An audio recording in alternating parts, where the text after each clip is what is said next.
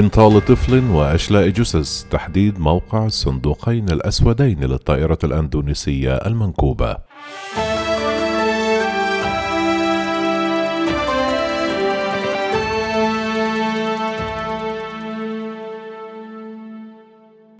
تم تحديد موقع الصندوقين الأسودين لطائرة بوينغ التي تحطمت شمال سواحل العاصمة الأندونيسية جاكرتا وعلى متنها 62 شخصا وفق ما أعلنت السلطات الأندونيسية الأحد في خطوة من شأنها مساعدة المحققين على معرفة أسباب الحادث.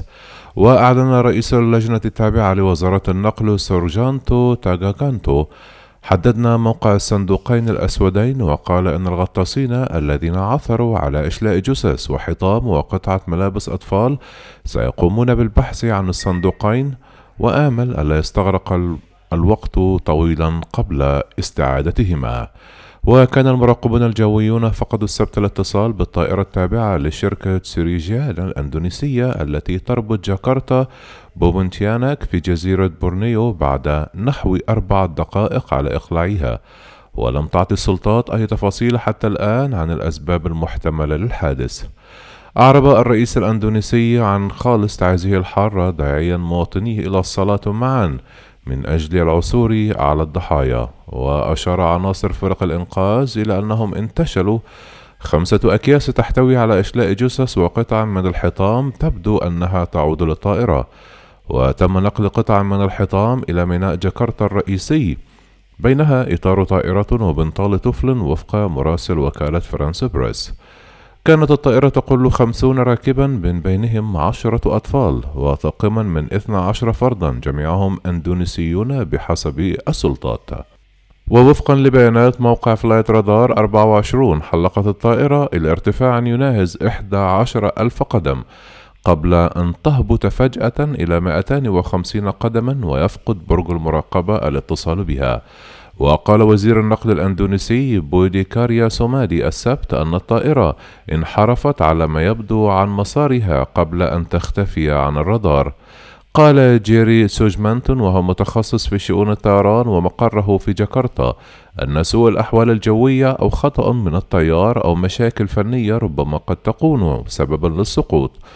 وأشار لوكالة فرانس بريس إلى أنه لا يزال من السابق لأوانه استنتاج أي شيء مضيفا عندما نعثر على الصندوقين الأسودين يمكن البدء في تجميع عناصر الصورة.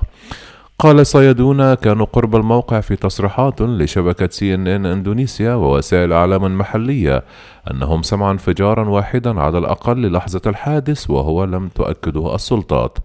وفي أكتوبر من عام 2019 قتل نحو 189 شخصا عندما تحطمت طائرة من طراز بوينغ 737 ماكس تابعة لخطوط لايون الجوية. في بحر جاوا على بعد 12 دقيقة من إقلاعها من جاكرتا في رحلة تستغرق ساعة. وتسبب هذا الحادث ومن بعده كارثة تحطم طائرة من الطراز ذاته في إثيوبيا بفرض غرامة بقيمة 2.5 خمسة مليار دولار هذا الأسبوع على شركة بوينغ الأمريكية لاتهامها بخداع السلطات خلال عملية المصادقة على طائرة ماكس 737 وتم وقف هذه الطائرات عن التحليق بعد الكارثتين الداميتين. غير أن الطائرة التي تحطمت السبت لا تنتمي إلى هذا الجيل الجديد من طائرات شركة بوينغ بل هي من طراز 737 الكلاسيكي الذي يعود إلى 26 عاما مضت وشهد قطاع الطيران في أندونيسيا عدد من الحوادث في الأعوام الأخيرة وتم في السابق حظر شركات طيران محلية عدة في أوروبا.